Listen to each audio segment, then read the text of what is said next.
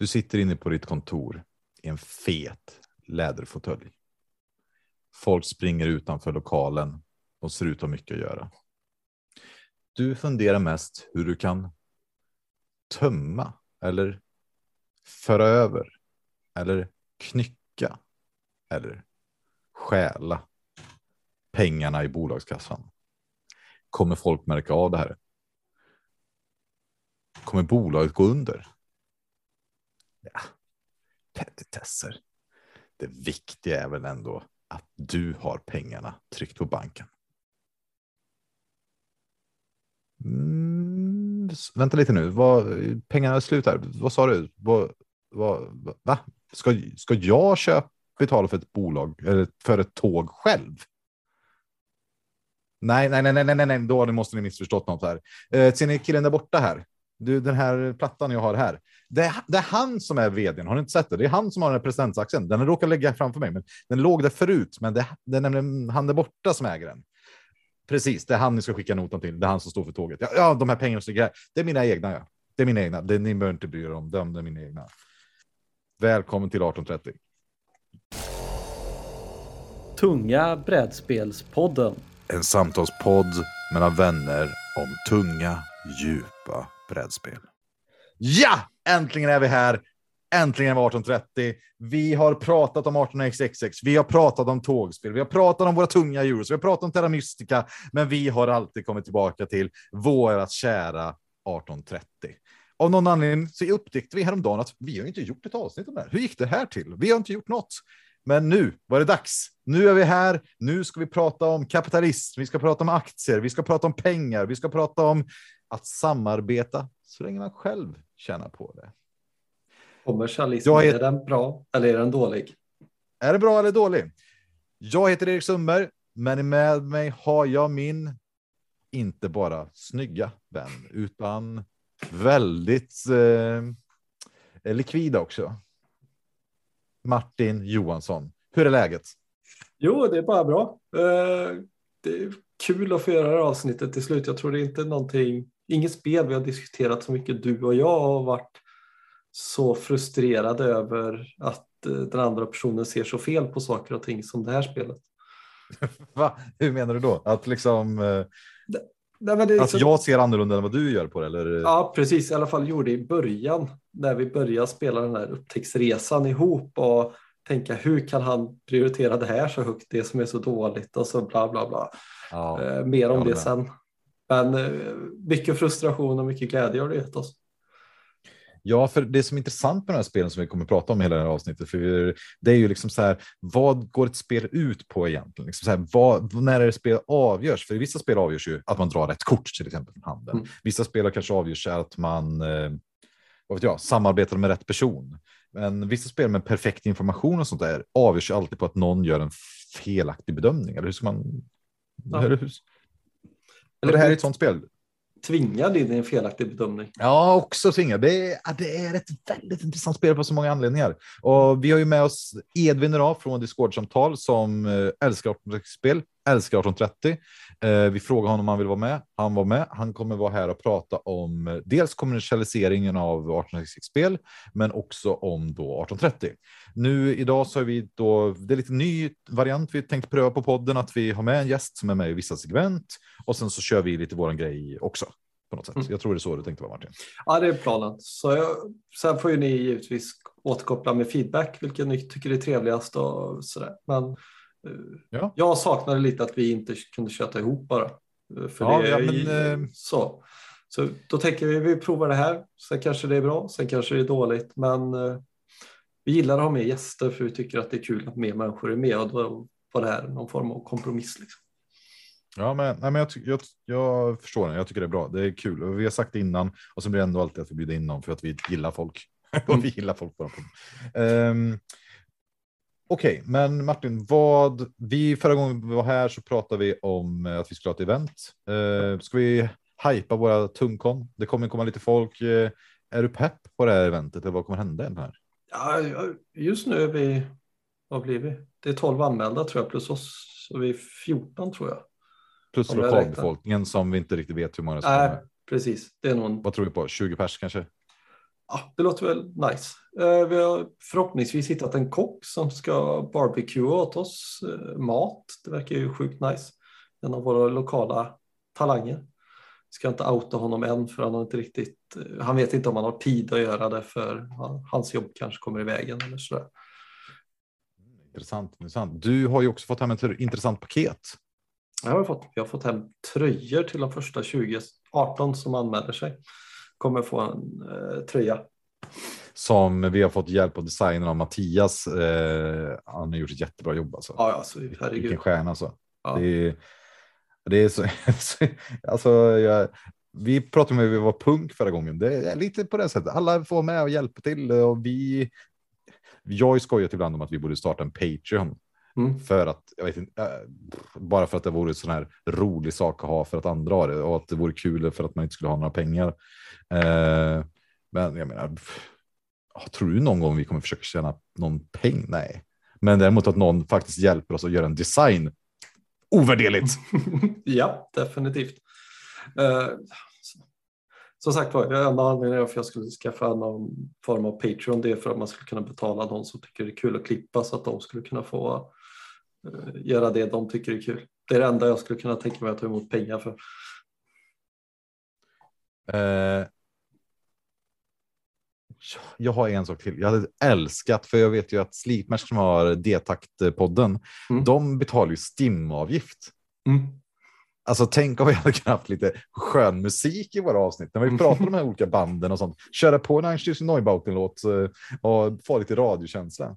Ja. Uh, ja, vi håller ju på i ganska så länge så det kanske. Uh, ja, det finns ett stort problem med våra podd. Den här, I dagens avsnitt kommer vara långt. Den kommer vara i två delar kan jag säga redan nu, för vi gör för eftersom vi har spelat in det i olika delar så kommer poddavsnittet vara över tre timmar, vilket gör att vi inte kan eh, släppa det på vår, våra mm. plattform, utan vi måste dela upp det i två delar.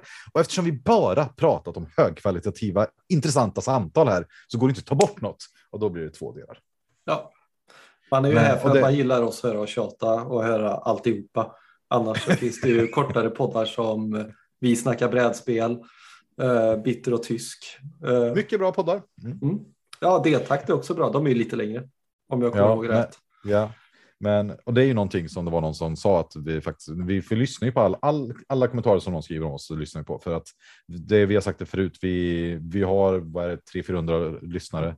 Det är en del som hör av sig och säger det är ovärderligt. Alltså det, det, går inte, det går inte att överskatta hur viktigt det är för oss att någon gång ibland höra att vi har gjort någonting som är dåligt eller bra.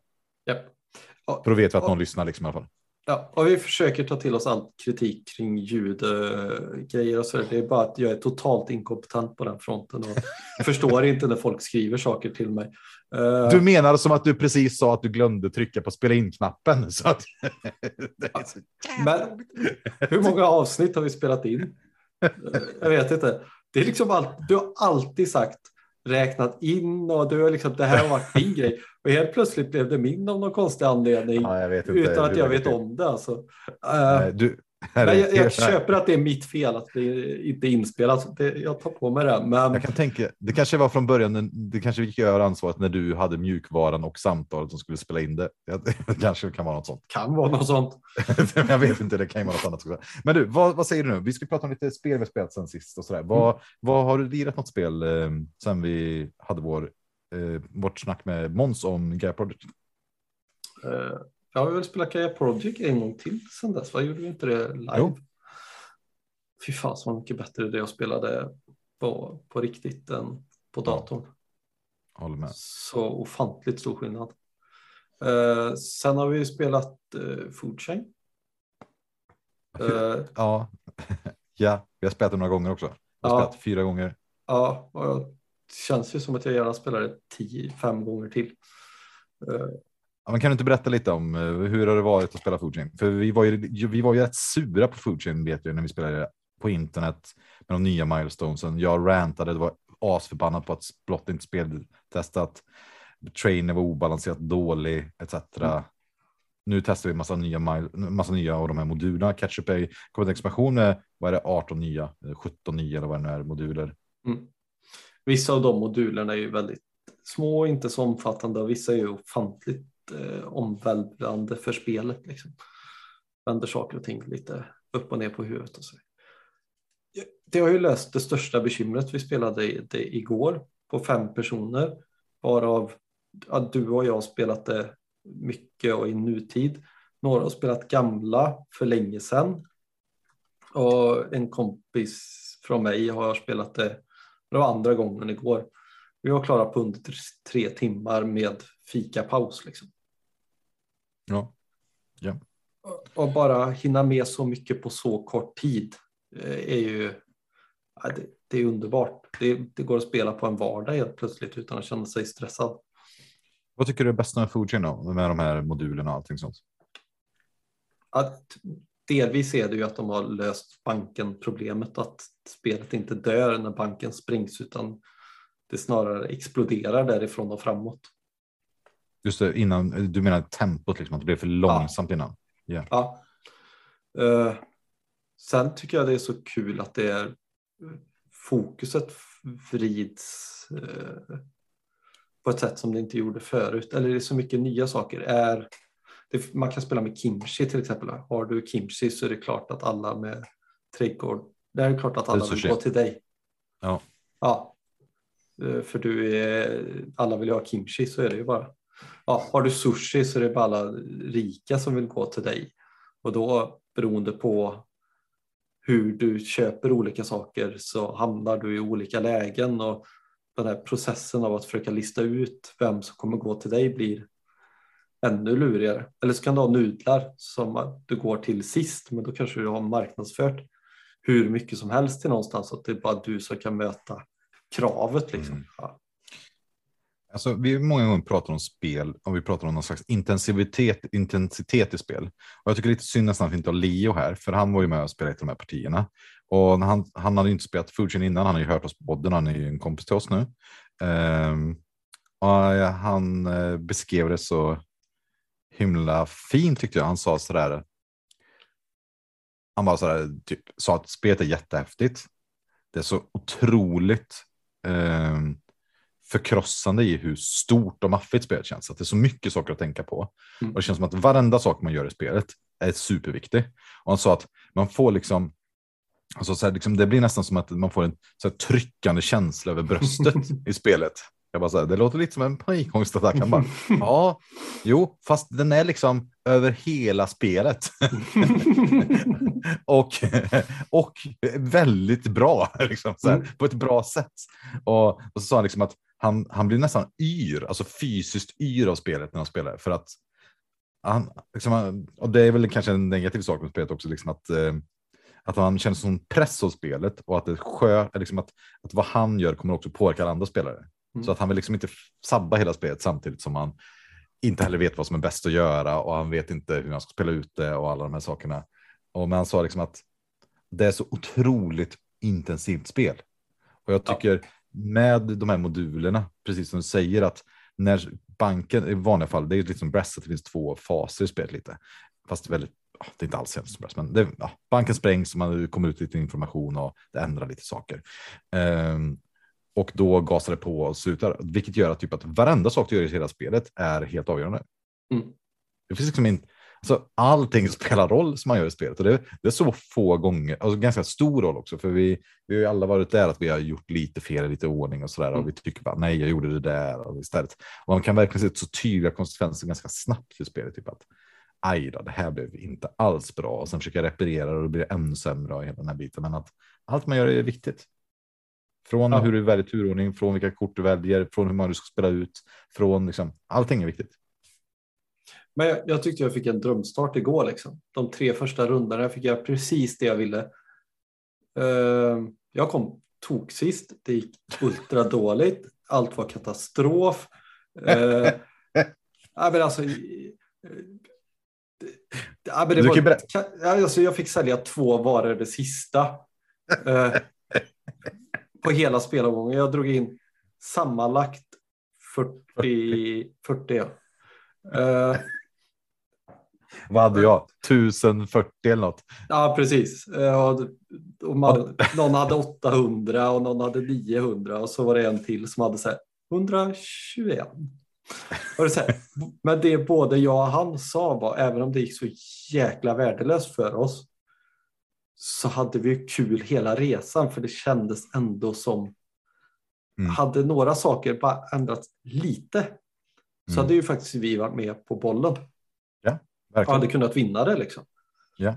Eh, hade jag gjort en train annorlunda eller någonting. Alltså det, jag tycker det är kul att spela ett spel där jag känner att jag förlorar för att jag spelar dåligt.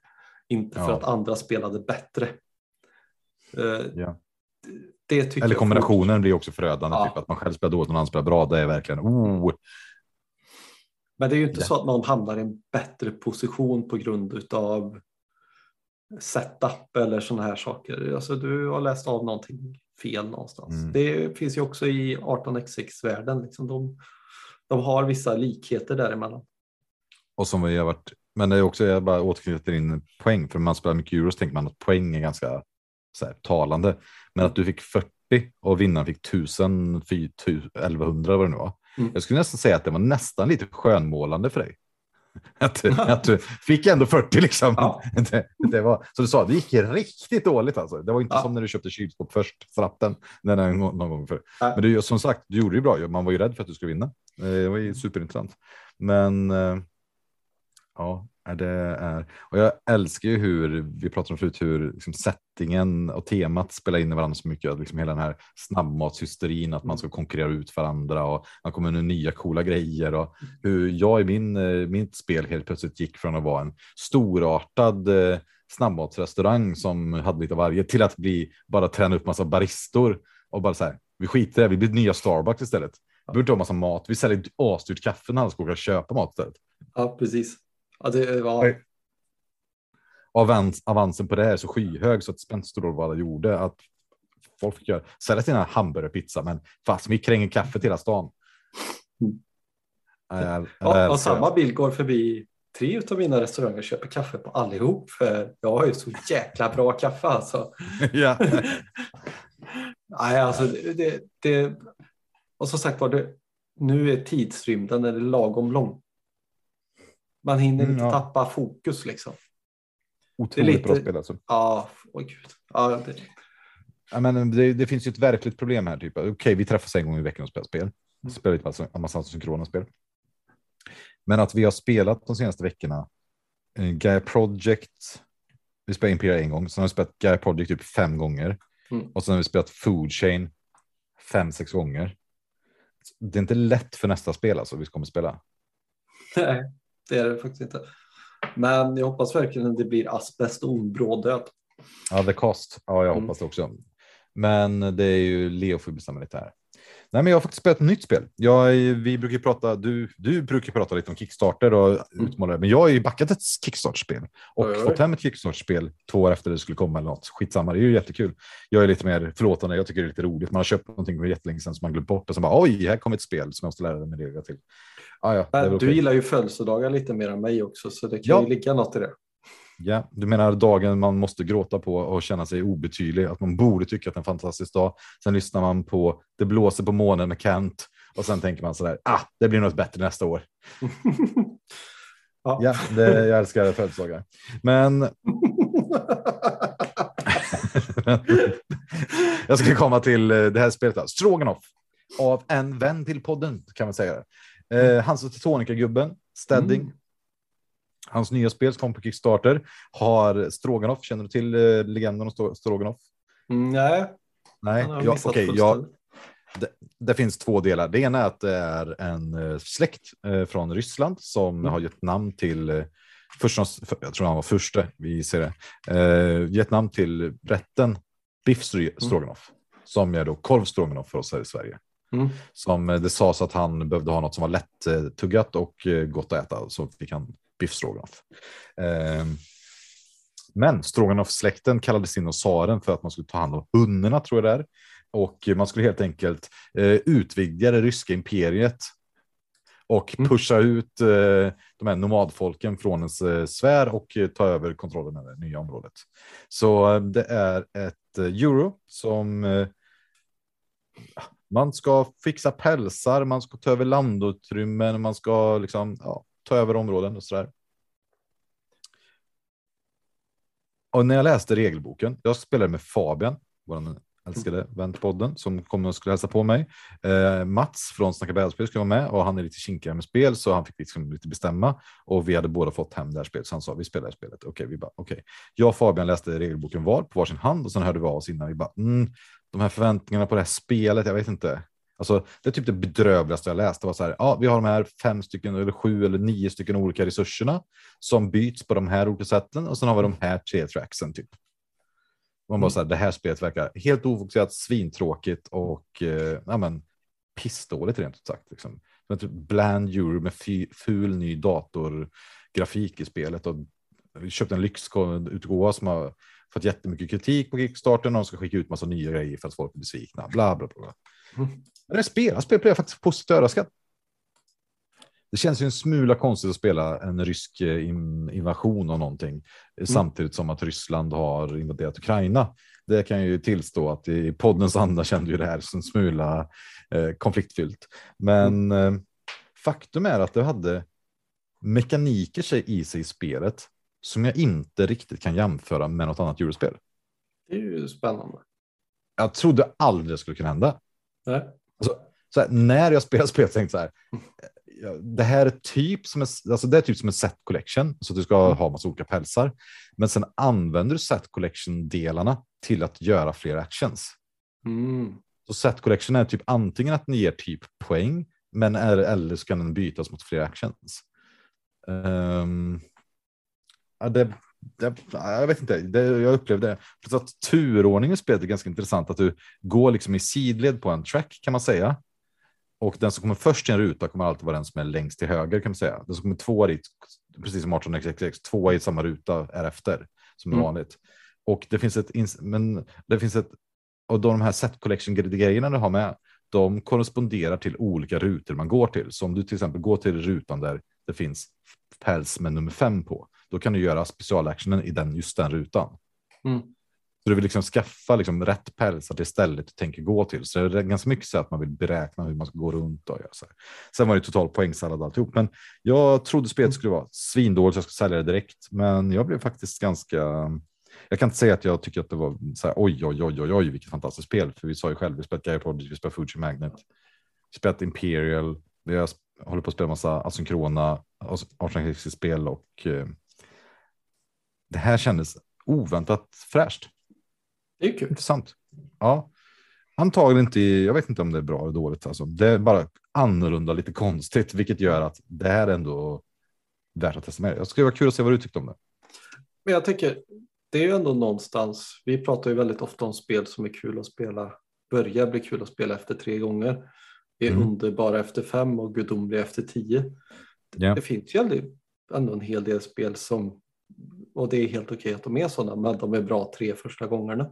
Sen blir de sämre och sämre. Och det ska ja, man inte precis. underskatta. Och jag, jag tänker att eh, framförallt inte en spelgrupp där man kan sälja dem vidare eller trada dem. Nej. Eller sådär. Eh, jag tror det är en del, eh, det är inte de spelen vi brukar fokusera på, så ska jag säga. Det är Nej, inte men precis. våran, kanske inte ni som lyssnar på oss, er målgrupp heller, men det kan ju vara gött att ha, bryta av ibland. Ja, jag håller med. Nej, men så det var intressant och jag tycker att eh, Stedding har gjort. Han har gjort igång, han har gjort Hansa Tonica, han har gjort Firenze. Eh, ja, varför inte alltså? Intressant spel att testa. Jag tycker det, gillar man eh, hans tidigare spel tycker jag man verkligen ska prova det, för det är intressant att se hans utveckling som speldesigner. Ja. ja men det, jag gör det jättegärna. Jag har tittat på lite bilder. Det såg lätt förvirrande ut på BGE. Ja, ja men, jo, men det, är, det är ganska så märkligt. Eh, och nu kommer jag inte ihåg, Fabian visade mig Q-Braid-spel också som var väldigt intressant. Eh, oh, vad heter det? Det är det senaste som kom från uh, typ Rio Grande, eller säga, men heter de inte. Men, ja, han visade mig ett jätteintressant Q-Braid-spel och eh, vi spelade tillsammans simultant och bara så här, diskutera vilka drag vi ska göra. Alltså, Q-Braid-spel är ju väldigt intressant ändå när man spelar så här. Hur ska man tänka i den här situationen? Då stod mm. vi typ jag lagade mat och han, vi pratade och det var, det var jättekul att bara prata med en person som, och utan att vi, vi tävlar inte utan vi bara så här, hur ska man göra här? Och så upptäckte man att det här spelet är ju, fattar inte hur man ska spela det här spelet tillsammans med andra personer samtidigt. Det är verkligen helt hopplöst. Men ja, det var intressant alltså. Jag spelade Chicago Express igår också. mm. eh, med Henrik eh, och eh, en till. Från ny och fan som var Chicago Express är bra alltså. Ja, vi spelat med nya... Riktigt, riktigt skarpt. Ja, vi spelade nya husregeln. Dolda pengar. Spela på spelet betänkligt. Mm. Henrik eh, provade att köpa två aktier i samma bolag. Jag tänkte bara han är körd alltså. Men sen skapade så intressanta incitament eftersom vi var tre. Att han hela tiden kunde gynna sig själv med alla de här tågactionsen. Men mm. jag och Patrik så här var alltid tvungna att, vad ska man säga, vi fick ju halvt värde på våra actions när man åker tåg. Det är så här, det finns tre actions spelet var på en kass. Man kan mm. sälja aktier, man kan åka med tåg. Man får bara åka med tåg med bolag som man har en aktie i. Så mm. det var superintressant. Henrik satt och gnällde skitmycket att han var helt körd och vi bara ja, eller hur Henrik, vi vet hur det funkar. Midgame gnället går inte ja. jag på. Jag kan det själv. Martin har sagt det och sen så kom det ner till att sista som hände i spelet, hela spelet, vilket säkert ofta avgör, men det är att spelet tar slut när man har sålt ut på aktier från bolag till exempel. Mm. Då gick det ut en aktie. Henrik startade aktionen. Hade han vunnit aktionen, sju spänn, alltså det är väldigt lite för vi hade typ 70 spänn var. Så här. Ja. Hade han vunnit aktionen, då hade han förlorat matchen. Hade jag vunnit aktionen hade jag förlorat match, matchen och hade Patrik vunnit aktionen så hade han förlorat matchen. Ja. Eh, hade Henrik köpt den så hade Patrik vunnit. Mm. Han startade den för att avsluta spelet för att det var det enda det vettiga för att Patrik skulle vinna ännu mer om ingen mm. avslutar spelet. Han, köpte, han startade aktien. Jag passade direkt. Patrik köpte den. Mm. Spel slutar. Han förlorar med tre spänn. Ja. Och, han har spelat jättebra. Han var nybörjare så det var. Uh, jag har aldrig varit med om en så tajt omgång. Det var superkul, jätteintressant hela vägen. Jätteväl tycker jag, välspel, liksom att alla tänkte lagom länge, gjorde intressanta val. Spelet var snabbt, röjigt och över. Ja, jag tror verkligen det gynnas av dolda pengar. Ja, eller spelare som så här, tycker att ja, jag försöker göra så bra beslut som kan på 30 sekunder.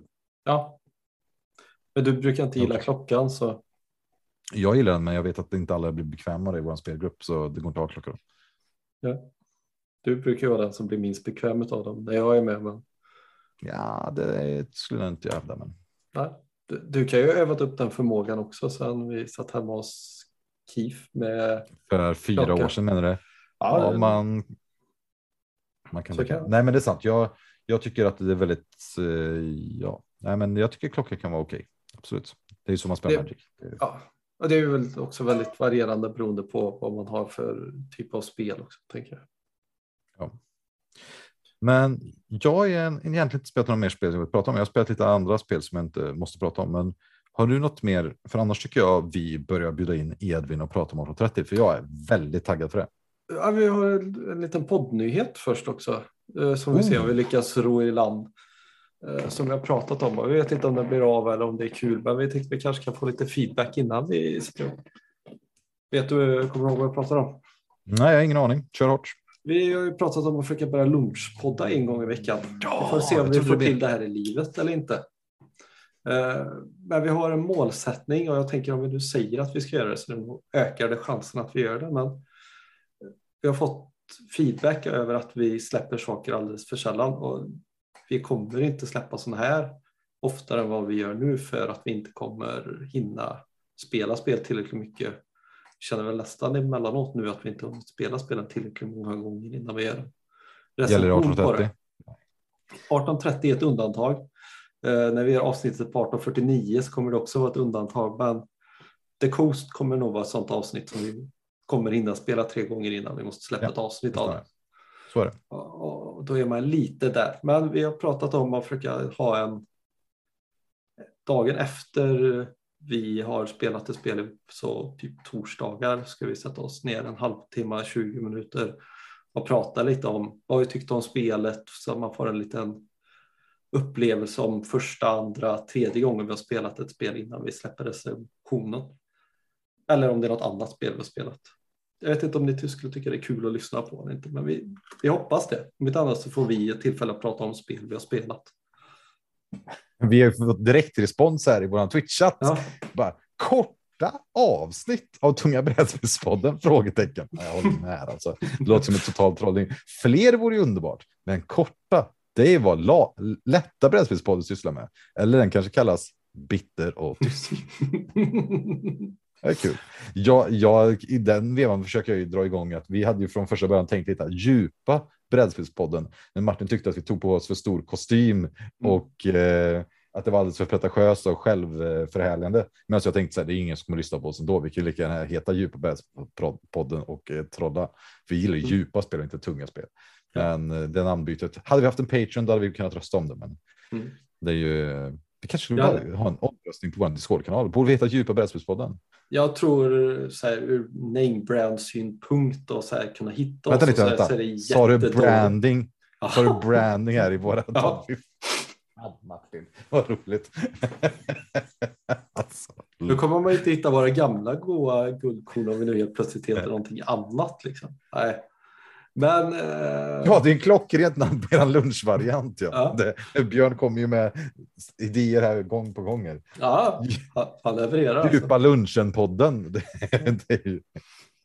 Nej, men det var, det var ju intressant, för vi hade ju, du hade ju en annan idé om att eh, om att vi skulle göra såna här strategi eller så här filminspelningar på spelsessioner och sånt hade du också mm. en idé om som sköts ner efter prat i Discord-kanalen.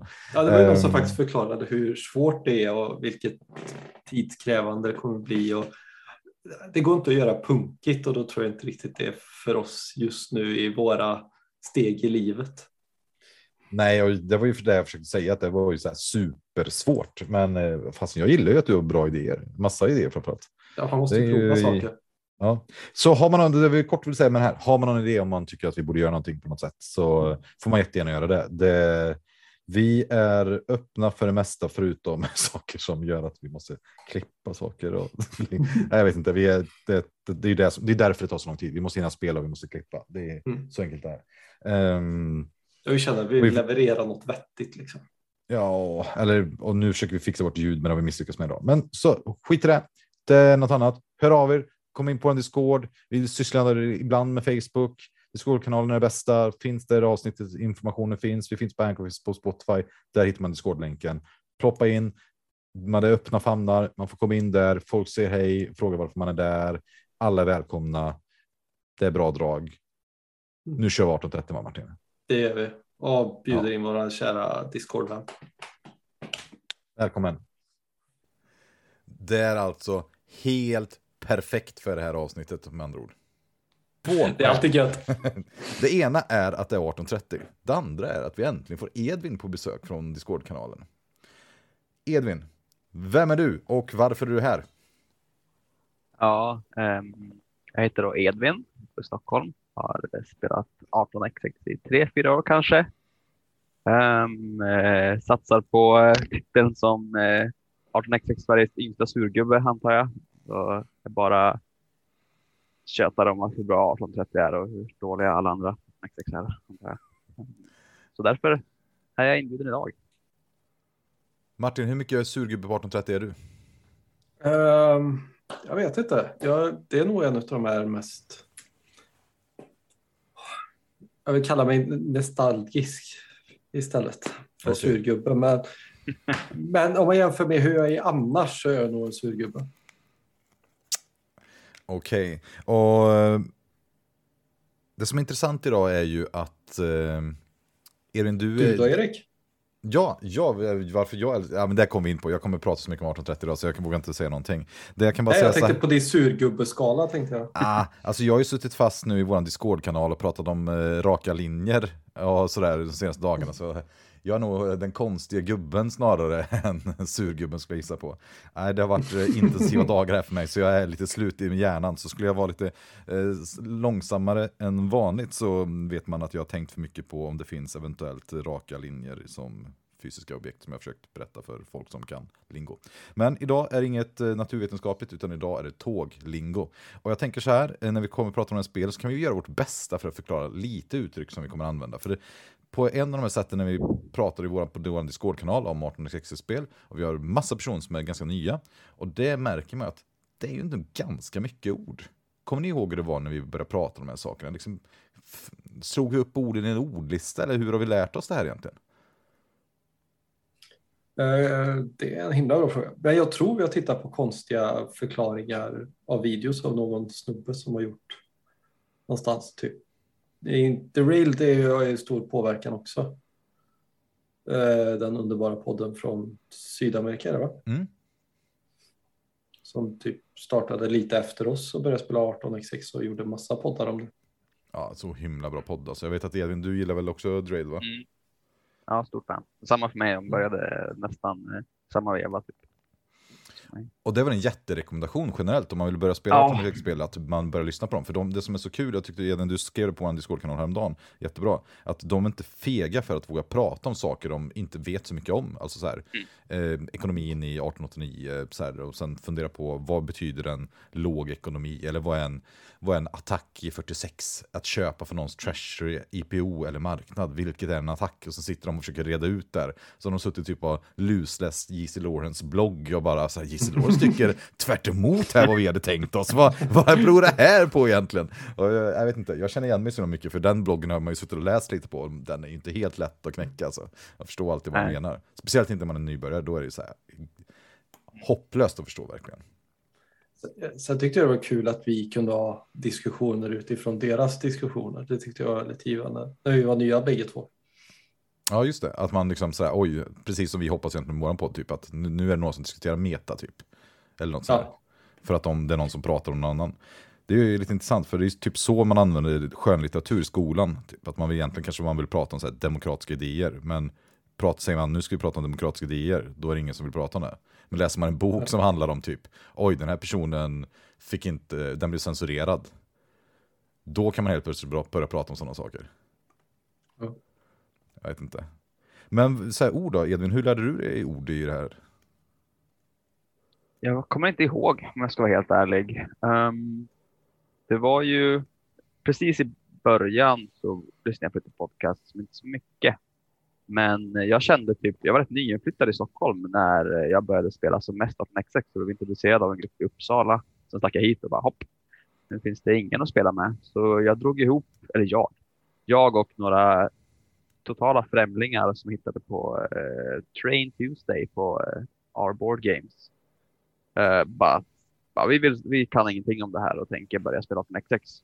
Och så gjorde vi det tillsammans eh, och jag fortfarande det.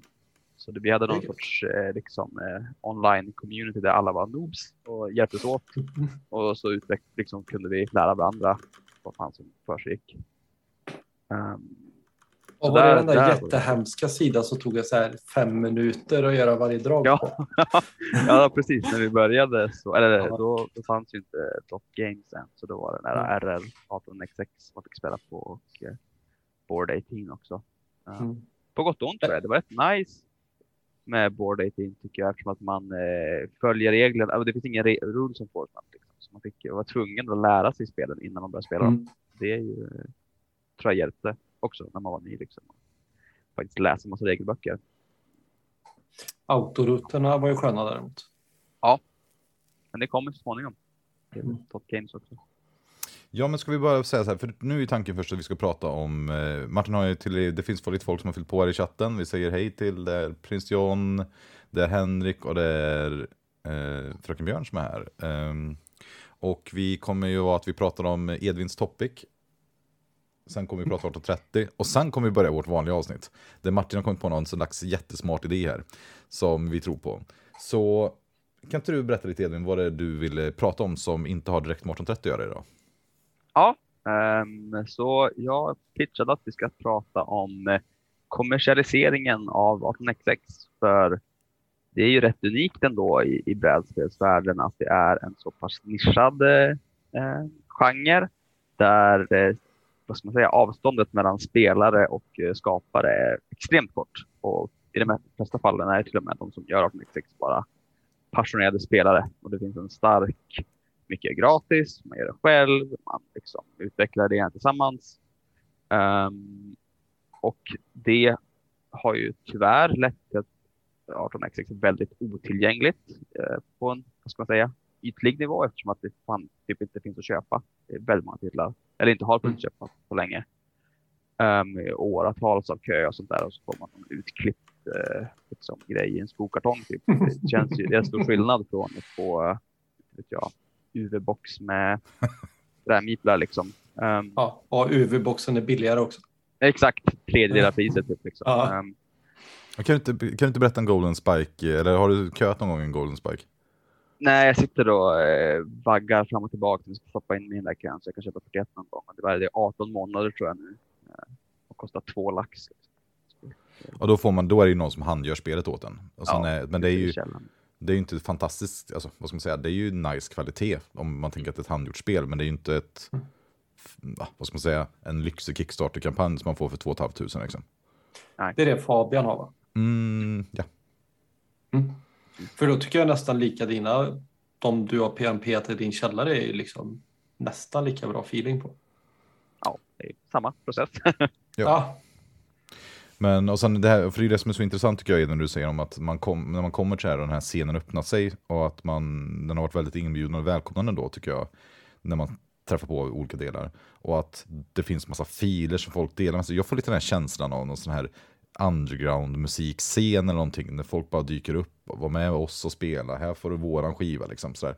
Det, men däremot måste man vara på rätt ställe som du säger. Liksom att man, för att få de här filerna som man kan printa ut, och, då måste man känna rätt folk. Lite så där, det är lite det hemliga sällskapet-vibbarna, men när man däremot har kommit in i hemliga sällskapet, då är man där för gott på något sätt. Mm. Verkligen. Ett bekymmer jag ser med att det blir mer tillgängligt, det är att man helt plötsligt kan spela för många titlar så man inte hinner spela dem tillräckligt många gånger. Okej, okay. så vad jag förstår ditt argument då Martin. Du menar alltså att, att, man, att man har så dålig karaktär till vardags så att om det finns tillgängliga spel så kommer man spela fler. Så man kan ja, liksom inte själv sanera no sig. Nej, alltså, om jag lärt mig någonting av brädspelare så är FOMO fullständigt brutal och alla ska köpa de senaste Kickstarter och så har du lagt 1500 på ett spel som du spelar en och en halv gång. Vad tänker du om det här med att skulle det vara bättre Edvin, sämre för att man får fler titlar av att det är massproducerat? Alltså det beror ju på hur man ser det. Det är absolut så att man spelar ju varje titel färre gånger om man har mer att välja på. Tror jag. Eller sannolikt i alla fall. Men det är som att gå på restaurang. Jag går på avsmakningsrestaurang. Menyn är klar bara. Här får du. Då har man liksom inget att tänka på. Sen så om man ska beställa alla katt då sitter man där och funderar i en timme. Sen så är man ändå bara, fan jag skulle tagit något annat. Liksom. Ja, men samtidigt så tänker jag så här, den här, den ni beskriver som den här scenen som har funnits 1806, den känns ju inte jättefomo. Vi ska prata om idag ett spel som är tryckt 1986. Nej, eller ja. Alltså sådär, och, och då pratar vi om, och sen pratar vi om att det finns mass, alltså det är inte så att det finns få. Vi, vi hade ju ett fantastiskt inlägg här i veckan där jag var tvungen att, jag vet inte, det är väl första gången jag fått någon så här panik över min eh, online-personlighet när jag gick in och skrev ett, eh, en sarkastisk kommentar på ett eh, forum. Jag kände så här, det här får nog, jag kan, så här. Och då kände jag helt plötsligt att det är lite det vi pratar om, att då var det någon person som hade suttit och spelat 1830 och skrev att ah, det här spelet är verkligen gammalt, det märks på den här designen för det var jättetråkigt. Vi, den som la brickorna lite dåligt första OR, den förlorade typ. Och då gick jag in och skrev att det här var ungefär som att man förväntat sig, man var filmälskare, man har bara sett mysiga dramakomedier. Och sen hade man hoppat på för någon hade tipsat om Clockwork Orange. Så gick man dit och kollade på den och sen upptäckte man plötsligt att bara, oj, den här har ju inga mysiga karaktärer i sig. Den här har ju bara fruktansvärd. Och sen blir man besviken och säger att ah, den här filmen var bara dålig och gammal. Den är helt kass liksom. Bara för man har fel, kanske fel förväntningar eller liksom sådär. Fel förkunskaper eller hur man nu ska se på det. Jag fick i alla fall lite panik när jag, eller panik, jag blev upprörd kände jag. Jag var tvungen att rycka ut och försvara 1830 i sann riddaranda. Från renare... Erik blev pretentiös alltså. Ja, men... Eh, för det är lite dit jag vill komma liksom med den här eh, kommersialiseringen. Är det, är det här, om man kan se det som ett problem, liksom, är det här gatekeeping som vi brukar prata om? Är det här elitismen som vi kanske kommer in på med Winsome Games mailinglista? Eller vad, hur är egentligen 1896-communityn? Är den inbjudande och elitistisk? Eller hur, hur är, funkar det? Vad tycker ni? Jag tycker att den är... Eh, ja, förlåt. Nej, nej, kör du. Ja. um, jag tycker att den är väldigt egen mest. Uh, den är väl varken, uh, den är inbjuden på sina sätt och extremt uh, speciell på, på andra sätt. Ja, vi får Men, berätta. Ja, men eh, det finns ju det är otroligt starka åsikter om eh, presentation av spel och eh, liksom vad, vad ska man, hur ska spelen publiceras? Vilka har rätt till att ha tillgång till ett spel? Har någon rätt till att ha tillgång till mina spel? Eh, är det bra? Är det ens bra att fler spelar 18xx eller är det dåligt? Eh, det finns ju vissa som tycker att det finns inget värde alls i att det kommer nya spelare. Uh, och det kan man inte säga är särskilt inbjudande överhuvudtaget. liksom. um, så, så det finns absolut vissa ådror som är uh, rätt uh, konservativa i alla fall. Och typ, ja, men liksom nu när AG har börjat massproducera och de har rätt snygga, snygga produktioner så kommer nej, nej, nej, nej, liksom. det är grön, liksom, låg kontrastfärg, det går inte. Nu ser man inte vad som händer på vädret längre. Och det är rätt absurt liksom. Um, så det är ju ganska, ganska hög liksom. Det ska vara som det var fakta. Och det är ju svårt när man är ny tycker jag. Om man kommer med andra värderingar liksom. Man vill ha. Kunna köpa ett spel, få det i brevlådan och spela det och det ser fint ut och det är enkelt att lägga tiles som liksom inte eh, så tunna att när man nyser så flyger de över hela världen.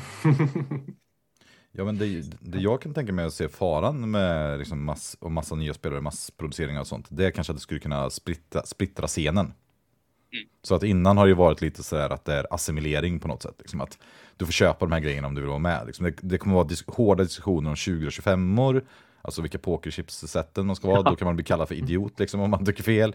Eh, man, man, kom, man kommer bli utskrattad om man typ kallar 1817 för ett eh, solitärt spel som jag skrev i någon eh, tråd och frågade. Ja. Bara, det här känns inte så himla interaktivt och folk blev så här, jävla, alltså, vilken jävla tråd. Sen, ja, ja, det man får bara köpa det, då får man vara med. Liksom. Är man inte med så ja, då, då får man inte skriva någonting på internet i alla fall. Får man sitta i smyg hemma och spela kanske och beställa ett av fem spel som fanns i print. För, det, för jag menar, precis när vi började, då fanns det ju att köpa 1830, 1846, typ det här 1854. Ja. Som, ja. 44, 54. Som en, jag har aldrig hört någon säga någonting bra om överhuvudtaget tror jag. Nej. Och sen fanns det, det fanns några av de här, vad heter det, tyska Mayflower-spelen tror jag. 18, ah, nu kommer jag inte ihåg vad de heter. Marflow. Ja, Marflow menar jag. Jo, men det är ändå, då ska man veta den hemsidan. Det är liksom inte... Nej, det är inte gå in på brädspelspriser. PR direkt. 46 fanns väl på vår lokala brädspelsbutik, va? Gjorde det inte det? Ja, en GMT-produktion då. Ja. det är därför den har varit så stor på något sätt. Mm. Och sen resten var ju bygga själv. Alltså jag spelade ju eh, Love Brand, Brandfeldts första 1889. Det var ju uttryckt på liksom vanligt kontorspapper och sen någon som hade... Det funkar jättebra. Det var kul att spela det. Men alltså, det jag tänker om den här massproduceringen, det är väl bara att man blir or... Det enda oron jag kan känna också, det är typ att att om det är någonting som de här spelen försöker simulera så är det ju hur, man an, hur girighet skapar så här, tar, gör att man tar dåliga beslut till exempel tycker jag. Och då mm. tänker jag så här, tänk om man de här entusiasterna och de här genierna om vi får kalla det som har gjort många av de här spelen, som fortfarande gör dem om vi har pratat om en person som J.C. Lawrence till exempel, han gör ju väldigt egna spel. Eller Mike Hatton som vi pratade om på Discord de senaste, som gjort 1860-1862. Om de personerna på något sätt blir påverkade i sina, jag kommer säga det, konstnärliga ambitioner. Att helt plötsligt börja bli, vilja producera spel som säljer. Och det kan jag ju förstå. Alltså, det är klart att jag förstår att man skulle ha som arbete att producera 18xx-spel. Men det skulle göra mig väldigt orolig för utvecklingen av, eh, vad ska man säga, konstiga 18xx-titlar. Alltså de här lite, de extrema sakerna som ändå försöker skapas. Oh. Men är det inte lite tycker... tråkig eh, liksom, eh, stereotyp det där att äkta konst skapas liksom, via pina? fattig och elände liksom. Att det går inte liksom Eh, jo, men det är klart finns att den konflikten liksom? Säga. Jo, men jag tänker så här, för jag tycker vi hade den, vi hade diskuterat det här om dagen om 1860 hade en Kickstarter. Och då ska man säga att 1860, om, som jag minns det, det var ett av de mest eftersökta spelen i 1860-communityt. Det var legendariskt för det var Macattons spel som, eh, som han, han hade släppt 62. 18 Mex var också väldigt populärt, men folk pratar om 1860 som det bästa trespelarspelspelet, bästa tvåspelarspelet och extremt konstigt och märkligt och intressant. Väldigt mycket snack och ett av de spel som hade högst andrahandsvärde på, mm. på den marknaden. Kost, alltså jag för mig de kostar 2 500 liksom att köpa 3000 att köpa begagnat sådär. Och när den kickstarten kom och lanserades, då var det jättetryck på att han skulle, de skulle redesigna det spelet. Alltså att för, för det spelet eh, är ju väldigt intressant att det har väldigt mycket olika fonts till exempel. Alltså det har olika typograf, typsnitt helt enkelt i, på texten. Och det ser, jag kan se om jag kan lägga in den på någon stream. Man kan se. Det ser väldigt, väldigt... Eh, ska, hur, hur skulle ni beskriva det? Jag har aldrig spelat det. Jag tittade precis på en bild på det, men jag har bara spelat det på 18xx Games och där ser det ju okej okay ut. Liksom. Ja. Men jag såg en bild på den nu, det såg ju väldigt eh, intressant ut. Ja. Eh, sen gillar jag ju inte han som eh, jag tycker han är dålig, dålig skapare av, ja, liksom, han spelar inte roliga och det han gör är kast. Så.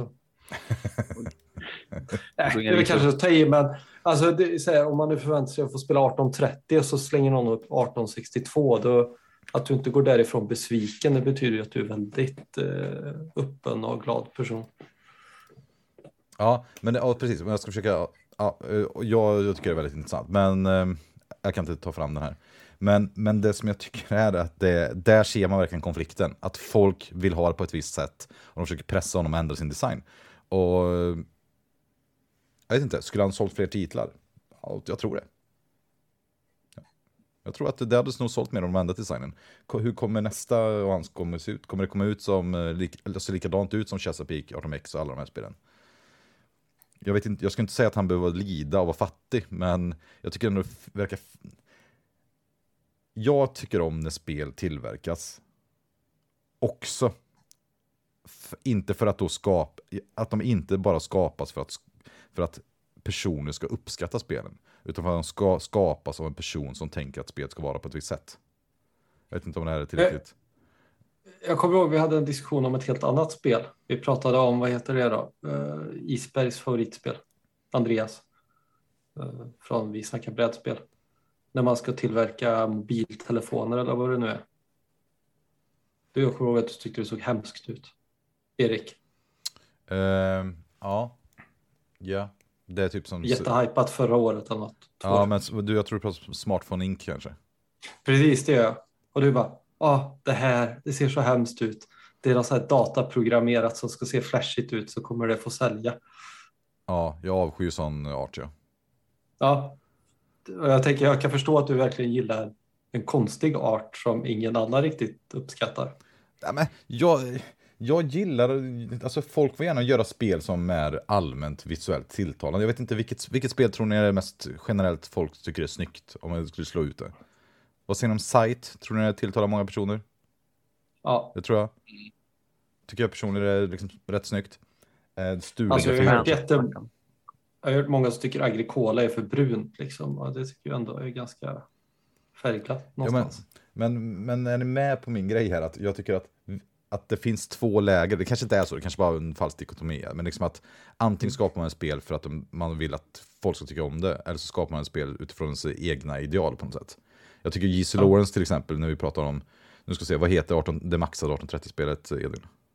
28. 28. Det känns ju för mig som, han har beskrivit det i sin designdagbok, han bara vill visa en kompis, typ, hur funkar parvärlden och hur funkar eh, sådär, Eh, varför, hur, hur, float, hur ekonomin påverkas av vilka parvärden man kan sätta typ. Varför man beskrev det som. Och hela spelet bygger på det. Det är ett jättekonstigt spel, men det är ganska roligt. Ja, det var ett spel jag verkligen kände att jag hade behövt läsa på reglerna till väldigt mycket bättre innan jag kastade mig in och tänkte att det här är en 1830-klon, det här kommer gå bra. Men det är lite luras klassiska. Ja, det ser ut som 1830, samma bolag, samma pars delvis. Ja. Sen så bara, nej, helt annorlunda. Ja, men Edvin, tänker du att det spelet hade kunnat se likadant ut om J.C. Lawrence hade någonsin tänkt på att han skulle försöka sälja det spelet? Ah, jag vet fan. Alltså, det känns som att det är så, vad heter det? karaktärsvidrigt. Det går inte att föreställa sig. Snart Nej, jag förstår. Jag förstår. För du ska säga, Jesse Lawrence, eh, hans egna, man får ju, man får ju PMP alltså, man får trycka ut hans spel. Ja. Man får inte göra det på professionell nivå och man får inte sälja dem. Det är de reglerna. Jag tycker... Eh, jag vet att Jesse Lawrence får extremt mycket skit på nätet. Jag vet att jag bara hypar honom hela tiden. Jag är en fanboy, det går inte att säga så mycket annat. Jag, liksom, jag vet inte. Jag vet inte vad man ska säga. Men eh, om man tänker liksom andra kultursfärer som eh, blir kommersialiserade. Eller brädspelshobbyn generellt har väl blivit det senaste... Är det inte typ att två bolag som äger alltihopa i slutändan eller någonting nu? I stort sett alla stora jo. Eh, eh men sam samtidigt är det jättebra, liksom. 18 Chesapeake är väl jättebra att det, att det finns fler tillgängliga spel som man kan spela när man är ny. För vi pratar ju om det, också pratar om det mycket. Vad behövs för att en, en grupp med bara nybörjare ska kunna spela 1860-spel? Jo, det behövs tillgängliga spel man kan köpa och få hem i brevlådan. Som man förstår och har någon slags hjälp med. Jag vet inte. Ja, ja, jag tror också det är jättepositivt i slutändan för spelhobbyn. Och det är väl klart så många som möjligt ska få spela 18xx. Du har gjort massa videos, vi har pratat om det. Vi har försökt eh, skapa olika ställen där folk ska kunna lära sig och sådär. Vi tror ju verkligen på att hobby mår bra av att fler gör den. Tror, ja, jag helt med. Tror ni... Jag tror däremot att folk kommer få en sämre spelupplevelse om Chesapeake är det första spelet de spelar. Åh, oh, det är intressant. Varför då? Det är för snällt och det är inte därför du börjar spela de här spelen.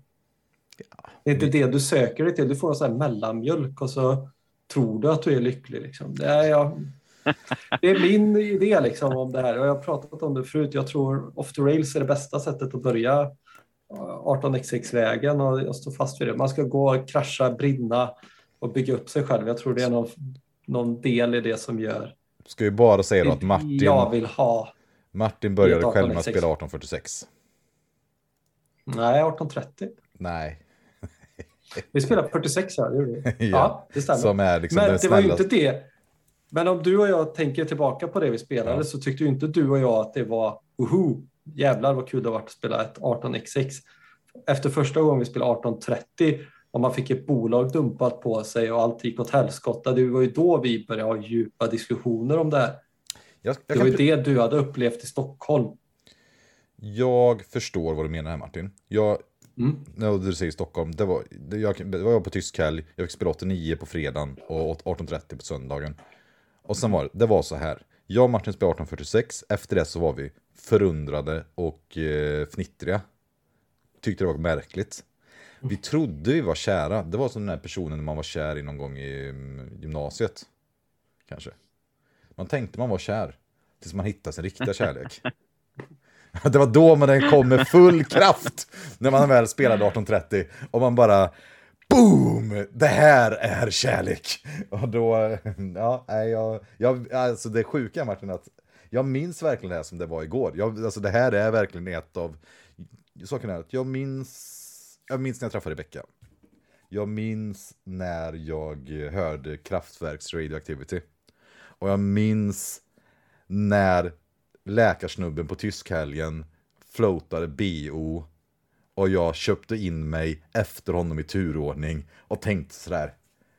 Någon fasen om jag passar nu så kommer jag kanske vara, vara före honom och, sälj, och, dump, och trasha det här bolaget. Och sen så gick det några varv och jag satt bara hur nervös som helst, bara kallsvettig. Och sen så kom det till stockround och bara boom! Priority deal, säljer ner alla aktierna, det är bott, startar upp ett bolag, rostar alla tvåorna och sen bara yes! Och då var ju liksom, det var fast med kärlek alltså. Men, Krokad. Ja, det var verkligen hooken. Men det, spontant känns ju det som en segway till att vi ska börja prata om 1830 här. Jag tycker att vi ska eh, uppmärksamma Björns kommentar. Ja. Den ja, jag hade den på tungan också. Han säger, men är det inte bara er definition av vad som är bäst med Netflix? Det tycker jag är eh, väldigt sant. Jag tycker ja. att nu, nu är ju genren så pass diversifierad att det finns ingen 18xx upplevelse längre. Utan den, eh, den det liksom, det finns ju strängt taget eh, ganska lite gemensamt mellan 1846 och 1830 Liksom, det är som att säga, ah, jag gillar worker placement-spel. Det, det, har ju liksom, eh, det är ju hugget som stucket.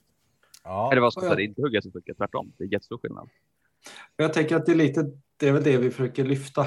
Eller alltså det är där jag, jag ser det väl egentligen inte som en problematik, men det kommer behövas ha fler definitioner inom hobbyn och så att man vet vad folk är intresserade av. Vad är det då? 1830 kronor har jag hört folk börja slänga sig med ganska mycket den sista tiden. Det jag kände jag inte för ett halvår sedan. Liksom. Det var för att inte vara uppmärksam. Så kan det också vara. Men eh, jag tänker ändå någonstans så där att det har blivit viktigare att definiera sådana saker och det är väl för att det finns fler olika speltyper. Vi pratade 62 förut, det är en helt annan typ av, jag vet att det är någon annan på Discords favoritspel. Och jag kan förstå att det är ens favoritspel. Jag köper det fullt ut. Jag kan förstå varför folk gillar lakrits också. Jag tycker det är äckligt. ja, men... det, det, det, är helt okej. Jag tycker inte sämre om personer för det. Men det är ju inte den upplevelsen jag letar. Och är det den upplevelsen du letar så är det ju det du ska spela. Ja. Jag tycker det är en jättebra trendspaning här Martin. Jag, förlåt jag sa att det här är 18, 18-30 kronor, för det tror jag har varit så här. Men du har helt rätt, alltså, jag har sett massa bilder som folk har delat, där de försöker dela in olika familjeträd, typ, precis som du beskriver här nu. Typ så här, det här är, för, för, för när vi började tyckte jag att det fanns en, liksom, någon slags eh, diskussion om Run a Good Company-spel och Stock Market-spel på något sätt. Så här, eller vad man kallar financial. Och det var jädrigt löst om det, vilken, när det ägde runt. Så här. Men nu så tycker jag att man försöker dela in det lite så här, vad deras, hur deras stamtavla ser ut. Kommer de från någon slags eh, 1829 eh, eller 1830? eller liksom vilken familj tillhör de och sådär. Och de, de träden är väldigt förvirrande att titta på när man spelat några av titlarna. För man säger, ja här har vi svarta fåret i familjen, för det där spelet är ju typ, tycker man inte alls tillhör den familjen. Och så där. Men men det, det finns mycket sådana här projekt och jag tycker att ni båda två är inne på någonting här. Men jag måste ju vara motvalls. Jag håller heller inte helt med er här. Jag tycker att det är väldigt tydligt vad ett 18XX-spel är för någonting. Om jag säger några saker som inte får ett 18XX-spel. Det är klart, man kan nagga lite på kanterna. Vad säger ni om eh, avsevärd eh, dold information? Nej, det får du inte ha köpa det. Vad säger ja. ni om mycket slumpmoment till exempel? Ja, pratar vi input randomness eller output randomness? Alltså, om, om du tar ett beslut som kommer påverkats väldigt mycket av någonting du inte kan kontrollera. Ja, jag inte... tänker typ slumpmässig karta skulle ju kunna vara okej. Ja, men som en setup. Men det finns in... ju massa. Ja. ja, det är det jag menar. Liksom. Ja, för mig är inte det randomness. Jag vet att den här diskussionen finns, men för mig är det en mm. setup. Liksom. Det har, om man inte ja. kunnat påverka det så är det en del av setupen. Men skitsamma. Men om vi tar så här. Det att det finns till och med en officiell variant från eh, i Lookouts version där man eh, innan varje OR drar en liten bricka där det står eh, hur eh, ens payouts modifieras från 80 procent till 120 procent av payouten. Det är ni. Till 1830. Ja, det är ju Alltså jag blir förbannad när jag hör det här. Alltså, alltså, det är så jävla... Då har man inte... Man, där har man fan dålig koll på vilka personer som köper en spel. Alltså. Fasen bara. Ja, men det kanske är ett bra familjespel. Vi drar in den här grejen. ja, okej. Okay. Men... Ja. Äh, men... Och sen... Och jag tycker ju... Nej, det är publicerat. Jag tycker att det inte är så stor skillnad. Så här, när jag, spelar 18, jag spelar 1846 nu. Ja, vi har en liten så nybörjargrupp som inte är några nybörjare än, riktigt längre, tycker inte jag. Vi spelar ju 1830, ett parti och 1846 parallellt hela tiden. Och jag tycker att det är ganska mycket saker som är lika ändå. Alltså. Så operating-rundan känns ju kännbart liknande att det är jättesvårt att lägga tiles. Alltså det är väldigt, väldigt få spel när man spelar eh, 1896-genren tycker jag som är helt sådär att inte spela någon roll med det spatiala. Det är klart det finns några sådana spel, men ofta är det ju att den delen kanske är uppenbar eller att den är gjord eller något sånt. Men att det är ganska viktigt med de här delarna.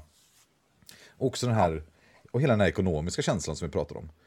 Det är ju väldigt få spel som jag spelat utanför 18xx-genren som ger mig en sån ekonomisk känsla av ett spel. Att det här verkar, gäller att flytta runt tillgångar på ett sätt. Mm. Ja, visst. Men jag tycker att eh, liksom, ja, det, det, är ju såklart alltid viktigt att lägga rätt tracks. Men eh, det är lika på samma sätt som att det är svårt att lägga sin pjäs i Agricola och det är svårt att lägga mm. sin pjäs i Dominant Species. Okay. Det är ju båda väldigt svåra worker placement eh, eh, val liksom. Precis som att det är väldigt svåra tracklaying-val eh, i många 18 XX-spel, men det är ju ändå, vad ska man säga, resultaten är väldigt annorlunda. Framförallt kanske de inte kommer lika snabbt. Eh, lägger du fel 1830 så kan det ta ganska lång tid innan du upptäcker att det, här var jättedåligt. Tar du, in, tar du fel ställe i eh, Agricola då, som du nämnde som ett svårare spel. Eh, där kan det ju verkas väldigt fort om du inte tog mat precis innan det är vintertid liksom, så då måste du gå runt bordet och tigga liksom. Okej. Okay. Det har ju Eurospel som en ganska bra mekanik, att man oftast upptäcker fort varför det blev dåligt och det kan vara mycket mer dolt i 18xx tycker jag. Okej, okay, jag, är beredd, jag är beredd på derailar här alltså. Jag, jag, jag tar betet alltså. Jag kan tänka mig att försöka definiera vad ett 18xx-spel är. Och då min första fråga, är Food Chain Magnet ett 18xx-spel? Absolut inte. Inte säger du? Nej. Nej. Nej jag håller med. Okej, varför då? Därför att det viktigaste, det absolut viktigaste med 18xx är skilda företags och eh, spelarpengar. Okay. Uh, och aktier. Det är de, och att och ha investeringsrunda och uh, operating, SROR och skilda pengar. Okay, det, så man kan säga att reglerna två. påminner snarare om varandra kan man säga på något sätt. Det finns ingen räls tänker jag. Nej. Det är det viktigaste.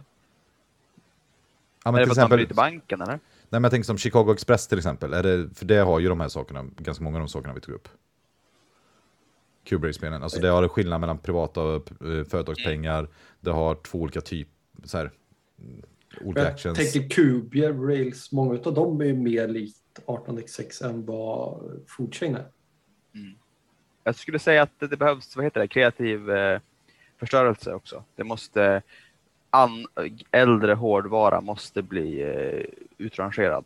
Det är också ett krav, tycker jag. Mm. Ja, för det fanns ju det här kortspelet, vad heter det? Eh, Rolling Stock, va? Det har inte spelat för, för övrigt. Det är ju snack om att det är ett 1896-like spel, eller? Mm. eller? Har ni spelat det? Nej. Nej. Jag håller på att försöka läsa chatten samtidigt. Men, eh, ja, jag med. Okej, okay. nej men, okay, men vi, vi hoppar över den diskussionen då. det, det är för svårt att sätta. 18-genren, det heter 18 och sen så räknas det som det. Men, och så, jag, jag tänker det är ganska simpelt. Det ska vara gult, det ska vara bru, grönt och brunt när du går ifrån bordet. Då är det ganska nära ett 18xx i min värld alltså. ja.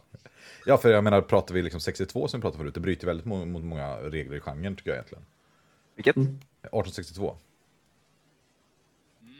Till exempel att man, det är ju många regler som att man kan sälja ett bolag utan tåg eller, eller snart tåg och så vidare.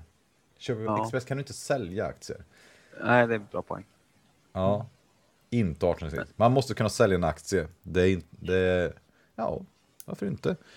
Det finns väl säkert spel man kan sälja aktier i som inte är 1866, men kombinationen av företagspengar och privata pengar med en aktiemarknad med något spatialt pussel.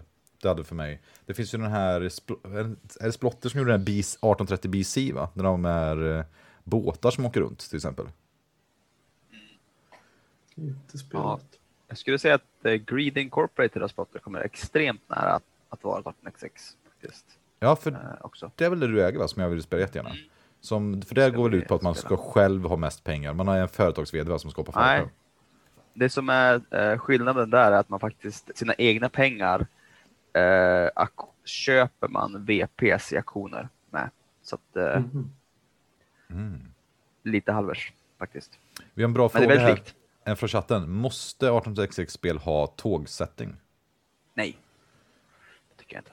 Det finns ju bland annat nu, det finns ju 18, åh, nu gissar jag, 1840 som är Vienna, som är spårvagnar.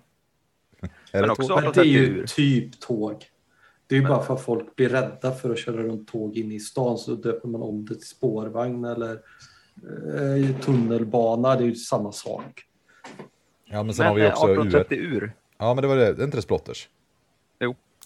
Det är någon båtar. Typ. Båtar. Och sen har vi framtiden som är månen va? Kanske tåg det med. Nej, det, det, för mig känns det verkligen... Uh, det är i och för sig, det är väl inte så konstigt att jag säger att sättningen inte spelar någon roll, men det tycker jag inte. är, är, Sen kan jag tycka att det är en kul del ifrån, för mig någonstans där krigsspelen. Jag, jag tror ju att 18x6 kommer från den världen, eller har hittat mycket inspiration från den världen. Där liksom kromen är viktig liksom. Och jag tycker det är ett roligt inslag i alla 18x6, så jag tycker någonstans det är lite viktigt. Sen kanske inte jag har stenkoll på saker och ting, men jag tycker att det är en sån där sak som hobbyn tror jag skulle tappa mycket om den försvann helt. Ja, jag förstår nog vad du menar, liksom det här slags historiska värdet i spelet. Det är ganska kul faktiskt, jag håller med. Även om jag är helt ointresserad av tåg. Men eh, Rick S. Chris säger på chatten att eh, Imperial skulle eventuellt kunna räknas med min definition som ett 1860-spel. Det är ju också så jag har beskrivit det. Som, som Concordia-gubbens 1806X-försök. Jag vet inte, vad säger ni om Imperial? Nej, det är ingen kreativ förstörelse. Uh, är det inte det? Fram... Nej. Hur menar du kreativ förstörelse? Det är ingenting som uh, utrangerar äldre investeringar automatiskt. Liksom. Jo, men vadå, är inte det man gör på kartan? Liksom, att man... Krig menar du? Ja, att ta bort folks Nej, det är bara eh, inkomst. Krig. Det är bara krig. Det skulle vara att är... när man köper en ny fabrik blir de gamla fabrikerna sämre. Ja, men är, inte det bara som ett krig eller? Det är bara destruktion, jag... inte kreativ förstörelse. Liksom. Ja, men, nej, jag, jag tänker att det är nej, där den viktiga jag, definitionsskillnaden Ja, men jag tänker att, att kriget i Imperial gör att du tar bort något från någon annan och ger det till dig själv.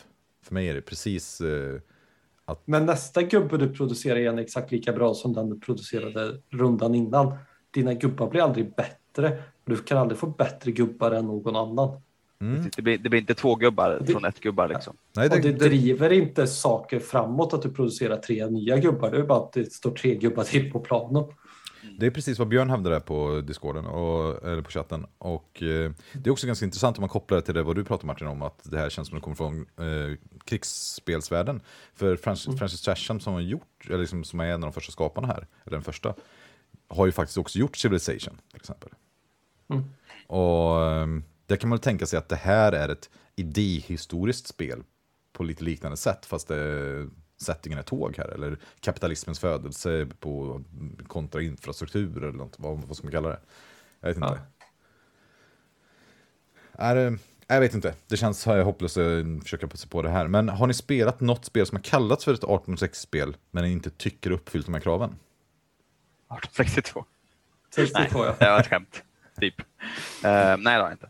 Men har ni spelat, eh, nu heter det, nybörjarspelet som Sleepmash gillar på chatten, som har sålts av... Eh, MS. Ja, har ni spelat det?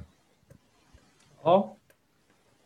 För det upplevde jag som eventuellt inte ett 18-spel. Jag tycker det är ett 18-spel. För det hade ju som jag minns det fast rostning. Typ att det var events i eh, rundor som här kommer rostningen. Och det var inte mm. spelardrivet. Och för mig är det extremt viktigt i de här spelen. Att så här, ekonomin och själva spelet är spelardrivet. Och tempot och längden. Jag, är det inte bara att det är bestämt antal runder? Jo, det kanske var att är rostade också. Jag kommer inte ihåg. Och jag tror att skulle jag ha en definition så tror jag, jag vet inte, eller bara att jag gillar spel som är speldrivna, men för mig är det jättekonstigt att spelet skulle till exempel ta slut, om man skulle ha ett 30-spel som sa spelet är slut efter femte stockrounden. Jo, det är ju svårt. Man vill ju gärna skapa definitionen som stämmer överens med det man gillar. Men, ja. men jag, jag, tycker att det absolut kvarar liksom ändå. Ja. Inte, inte centralt. Nej, Eller det är det... centralt för vad jag tycker är kul, men det är inte så centralt för... Det är en vid genre kan vi säga. Jag menar, worker placement-genren är ju också supervid. Ja. Jag håller väl på att bli vidare också. Alltså. Ja. Eh, betyder att 18 chess med autorost och ett tåg inte 1806? Nej, det ska jag inte säga, men det däremot betyder att det är dåligt. Herregud. ja. Ord och inga visor som sagt. Nej, men, äh, men jag, jag tycker ju alltså tågexport, det är väl en intressant mekanik. Jag har inte sett den funka alls. Alltså. Ja, men det, vi, har, vi har pratat om det förut, men det känns lite som att det försöker Ja, 18-17 har den ja. också. Ja, Bättre jag kanske. tror inte vi upplevde den så himla relevant där heller. de gångerna vi har spelat det. Sen är ju inte vi några Nej, jag, jag kan inte prata om 1817 alltså. Jag tror fortfarande det är ett bra spel. Okej, vad säger ni? Ska vi det prata om 1830? Tänkte... Nej, okej, säg Martin. Jag vill bara det här med de här undantagen då, som att exportera tåg och som att eh, ha fasta runder. Det är väl bara för att eh, det känns som ett nybörjarelement eller alltså för att förklara vissa saker bör hända. Och då tar man hjälp av spelstöd istället för spelarstöd och jag tycker att det är sådana saker man plockar bort när man kan. Ja, ja absolut. Och jag, det är ju det som är, för mig, för mig är ju ett bra 18-spel, det är därför jag gillar, jag gillar ju 46. Jag gillar ju 62. Men jag gillar ju, spelen ska vara kreativa, fria. Ja, det är en stor del, och ekonomiska liksom, på något sätt. Gärna fritt spelrum. Um, ja, vad säger du om Potom 1830? Ja, jag skulle vilja återknyta till eh, originaltopicet bara lite snabbt yeah. på, som en slutkläm angående kommersialisering. Det jag tycker är, jag tycker att det är superkalasbra att det kommer ut eh, 18xx-spel som går att köpa utan enorma åthävor och investering av liksom, pappslöjdsverkstad i källaren. um, uh, det, det, är kalas och att det finns också faktiskt skitbra titlar som går att beställa hem från internet är ju helt grymt. Men det är uh, som vi pratade om från början att det har varit ett väldigt, uh, ett väldigt kort avstånd mellan skapare och konsumenter. Mm. Um, och det tror jag underlättas väldigt mycket av print and play-communityt. Att folk sitter hemma, klipper och klistrar sina spel. Det är hur lätt som helst att ta steget till att ändra någonting, till att testa någonting eget, göra en egen liksom, bara, små saker som tilesets, en, en husregel, man vill att det ska vara flera av en viss bricka, en till bricka. Att, jag tror att, att eh, steget från, från konsument till skapare var kortare eller kommer bli längre yeah. om eh, vi ser att folk slutar tillverka sina spel. Sen tror jag att liksom andelen blir mindre, absolut eh, beloppet blir större av den här kommersialiseringen. Eftersom fler spelar. Så sure, mm. det kanske istället för att 75 procent av alla sitter och klipper hemma så är det bara 30 procent. Men jag tror att de här 30 procenten nog är fler i Ja, och sen tänker jag så här, blir det faktiskt gynnsamt att kunna finansiellt fungerande att kunna släppa 18-spel, då tror jag att vi kommer få nya designers. Jag menar varför Tom det är väl det? Ja, men jag tänker så här, Tom Lehmann... betalar ju så jävla mycket pengar för sina hemmasnickrade Jag tror inte att det, det går nog ingen nöd på eh, Golden Spike liksom. Nej, men jag det är bara att det inte blir så många titlar. Jo, men, men, nej, men absolut. Men det jag tänker är så här att de här traditionella eurodesignersarna till exempel, som vad vet jag, Tom Lehmann som gjorde 1846 till exempel, eller vi tar en sån som Luciani eller um, Knizia eller någon av de här personerna. Ifall 1846 skulle bli mer kommerserbart, kommersiellt, så tror jag att de, det kommer finnas ett, kanske ett intresse av vad ska man säga, mer etablerade designers att göra sitt egna 1860-spel. Som jag vet ju Splotter till exempel pratade ju länge om att de skulle göra ett, eller så här, jag hörde dem när de åkte och intervjuade Friends Trash och frågade om de kunde få göra en, deras variant 1830 och så vidare. Varför skulle inte de kunna göra ett nytt 1860-spel till exempel? Eller att, eh, som vi sa, Luciani och hans eh, kollegor i Italien skulle slå ihop ett nytt spel. Det vore jättekul att se hur, hur de skulle se på den genren till exempel. Och jag tror det finns jättemycket bra, ja, men jättemycket bra som kommer ut av det här. Jag tror att vi och som du sa, en annan bra punkt är att vilka bra titlar man lyckats få printa ut. Jag tycker de verkligen, Scott Peterson, Scott Peterson heter han, Scott mm. Peterson, ja, har verkligen haft bra fingerkänsla vilka spel ja. han har velat eh, ta fram och släppa. Det enda jag saknar Perfekt. i det här, det är 1830. Det finns ju, eller? Mm, nej, det finns fortfarande. Det är, for, det är autoprint igen. Alltså det kom ju för typ fyra år sedan, fem år sedan. Ja. Och eh, det är bara syna, det är bara om någon googlar och kollar om man kan köpa det på brädspelspriser. Tror inte det. Um, det borde komma igen, det borde komma en ny version som är jättebra. Jag kan gärna betala några tusen för det. det man får gärna se till när den kommer. Jag har ju tre kopior och vad är det men, men... Det jag tänker är förvånande att det inte finns mer av det ändå. Att det inte finns mer 3D-printade 18x6-spel. Ja, kanske. Men vad, vad, ganska jobbigt. Nej, jag tänker... Nej, Skrivande. Jag tänker, ja, fast det, det är väl inte riktigt. Alltså, det känns som att den här överlappningen av folk som... Nu är väl min bild lite stereotypisk, men... av folk som spelar 18x6. Men de flesta har ju någon form av typ eh, gillar att ha ingenjörsutbildningar. Gillar, eller har de inte det så har de någon form av typ datautbildning av något slag. Känns som att den målgruppen borde passa väldigt bra in med folk som sitter på en 3D-printer hemma. Jag bara, det är en sån där sak jag trodde skulle finnas väldigt mycket mer av. Jag kan ha fördomar, det är helt okej, det har jag haft förut och kommer ha igen. Men för det känns som ett smidigare sätt att producera det på än att sitta med papper och penna och klippa och klistra. Liksom. Det finns ju en eh, snubbe som säljer skärplottrade tiles. Mm, jag nice. mm. Och jag vet att vår vän Typical Duck har gjort sådana här också, som ser rätt cool ut. Men alltså, jag måste bara återknyta till den här kommersiella, kommersiella grejen. För mig är 18x-genren ganska mycket den här lite svåra indie genren lite. Så att man är lite punkkänsla, att man kan, alla kan göra lite vad som helst. Men man vill ju liksom inte vara den här personen som inte gör de här äkta grejerna. Som att dyka upp med en massa plastpluppar på sitt eh, 1830-bräde och lägga ut en bild på.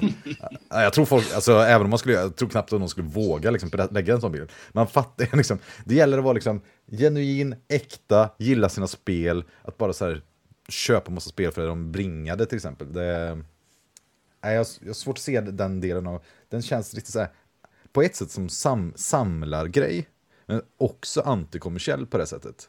Vilket är eh, på mig om att man skulle till exempel köpa second hand eller samla på gamla RP-skivor eller vad det nu kan vara. Mm. Jag vet inte. Kul. Um, får man fråga då, vilket spel har ni köpt, vad är ni sugna på att köpa som skulle kunna massprintas? Som inte finns? Ja. 28. Hands down. 28. Ja, jag äger ju inte 30. Det känns ju lite jobbigt. Liksom. 41 vill jag ja. Det är ju... Ja, sant. Mm. Det är ju också... Det är, det är så här, ja, man blir ju sur att någon ska stå i en kö på 18 månader och vi ska börja frakta från USA och eh, tulla skiten och sen betala 2 500 för en hemmasnickrad variant och jag inte får, för att man inte får tag i den här designen han bara kan släppa 1000 ex av det. Så att de bara finns i världen. Det är tråkigt tycker jag. Det hade varit jättekul om folk hade fått eh, testa på de här sakerna mer. Det behöver inte vara så exklusivt. En sista sak. Kan inte du berätta lite om den här ökända mailinglistan också, Edvin, du som har kontakt med personer i communityt? jo, men det är ju Winsoms eh, mailinglista där man måste eh, för det första, den är eh, finit. Det är liksom ett bestämt mängd, bestämd mängd platser. Eh, en in, en ut, den är full, vilket den har varit hur länge som helst man eh, måste köpa, så han gör då, vad är det, ett spel i månaden? Alltså det var i alla fall en, en prenumeration. Man måste köpa alla spel. Uh, och gör man inte det, då blir man utkickad och får ställa sig i kö igen. Minst konsumentvänliga uh, liksom praxisen jag någonsin har hört talas om. Och jag tror att han, han heter John Båre då. Ja, och det är han som hamnat i disput, dispyt med Martin Wallace om licensen till Age of Steam.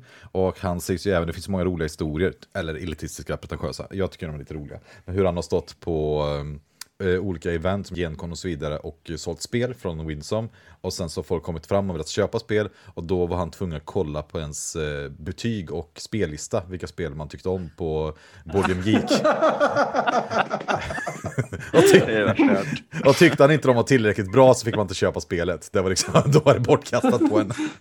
Jag vet inte. Jag, så, jag känner ju liksom när jag la den här kommentaren på den här sidan om finsmakningskultur så kände jag fan jag är likadan alltså. Det här är ju samtidigt som jag älskar när det kommer nya, testa nya saker av öppet sinne och hela den biten. Men jag kan ju också, jag kan ju ändå förstå honom. Skulle jag stå och sälja en avantgardistisk industrimusikskiva och sen kommer de fram någon person som inte är intresserad av det. Det är bara, bara kastar bort den personens tid. Sen kanske inte jag inte tror att John Bohrer gör det här om någon slags medmänsklig känsla för att någon annan, utan jag tror kanske bara att han är elitistisk. Men, men alltså det, jag vet inte, jag tycker det, det, finns en intressant spänning här, men vi behöver inte gå in på den. den, den. Jo, men det är väl det som var lite koncept, eller liksom temat här, det, det finns ju en konflikt ändå som är intressant, där det är folk som skapar eh, massa spel av lite lustiga anledningar ibland, Um, men liksom, de det är ändå de, de, eller vad man ska säga, som har byggt upp hela OpenXX-världen. Mm. Mm. Så man har ju ändå någon sorts, eh, vad ska man säga, man står på eh, jättars axlar, som man säger, mm. anglicism. Men lider inte alla så här snäva subkulturer av det här bekymret? Jo. Att, åh nej, nu är det inte bara jag och mina sju dudes här som får göra det här i fred i någon källare och känna oss eh, duktiga och speciella. Liksom. Det spelar ingen roll vad du än tittar på. Liksom. Om man, ja, vet, om man vet hur kast det blir också. Jag vet ju själv när man var liksom ja. Broder Daniel-fan och sen helt plötsligt så Ja, för sig, det var ju massa tragiska anledningar till varför den scenen dog, men, men eh, rent bokstavligen tyvärr. Eh, men att helt plötsligt kom liksom en så här masskonsumeringskommersialisering och det kom emos. Man bara, vad fan, vi var ju svartklädda och svåra och stod här och... vad, vad, är det här? Här är en klädstil som folk köper på H&M. Vad fasen, nu, det säger ju ingenting längre. Det har blivit uttryckslöst. så här, kan man inte vara emo längre? Vad hände liksom? Det... Mm. Nej, men det är någonting där. Det, det, någonting dör när man blir för många. Det spelar ingen roll vad man gör. Men det föds... Ego. Ja, kanske inte ego. Eller ens grupptillhörighet. alltså ens... Eh... Ja. Det, det, är klart att vi kommer inte, jag kommer inte kunna skriva till Mike Hatton på Facebook. Om, eh, jag kan inte skriva till Uwe Rosenberg eller Luciano. Liksom. Kanske Nej. kan, jag har ingen Nej, precis. Jag tycker att det är där eh, förlusten ligger. Att, att liksom, närheten till, till skaparna och hur involverad man som konsument är med. Liksom det är hur lätt som helst att speltesta 18xx till exempel, liksom de ja. mest framstående designerserna. Det är bara, hej, får jag prova? Ja, sure, här, testa. Det är ju hur coolt som helst liksom. Ja. Um, det är ju verkligen helt uh, ja, fantastiskt det, att det är så. Jag håller, jag håller med. Och det, det, vi kan dra en rolig parallell. Tänk som att om vi helt plötsligt hade fått så här supermycket pengar för vår podd och så där, har så här flera miljontals lyssnare. Det hade, varit, det hade inte varit så att vi hade kunnat prata med alla de personerna. Mm. Nej. precis. Och det hade ju, ja, det hade ju varit tråkigt. Ja, okej, okay. 18.30, vad säger ni? Är vi redo? Ja. Jag vill ha en kort förklaring om en beskrivning av 1830. Från. Ska jag ge en dålig då som jag brukar göra så Nej. kan ju Edvin komma in och förklara sen vad det är jag har missat. Okej. Okay. Erik brukar vara lite kritisk. Ja, men jag, jag tänker vi... vi har lite olika tankeordning på hur man bygger upp ett spel. jag tänker, kan vi inte bara låta Edvin köra den här? Så kan du gå in med hur det känns att spela spelet Martin. För det är ju jävligt Ja, det är helt okej. Okay. Fortsättning följer i del två.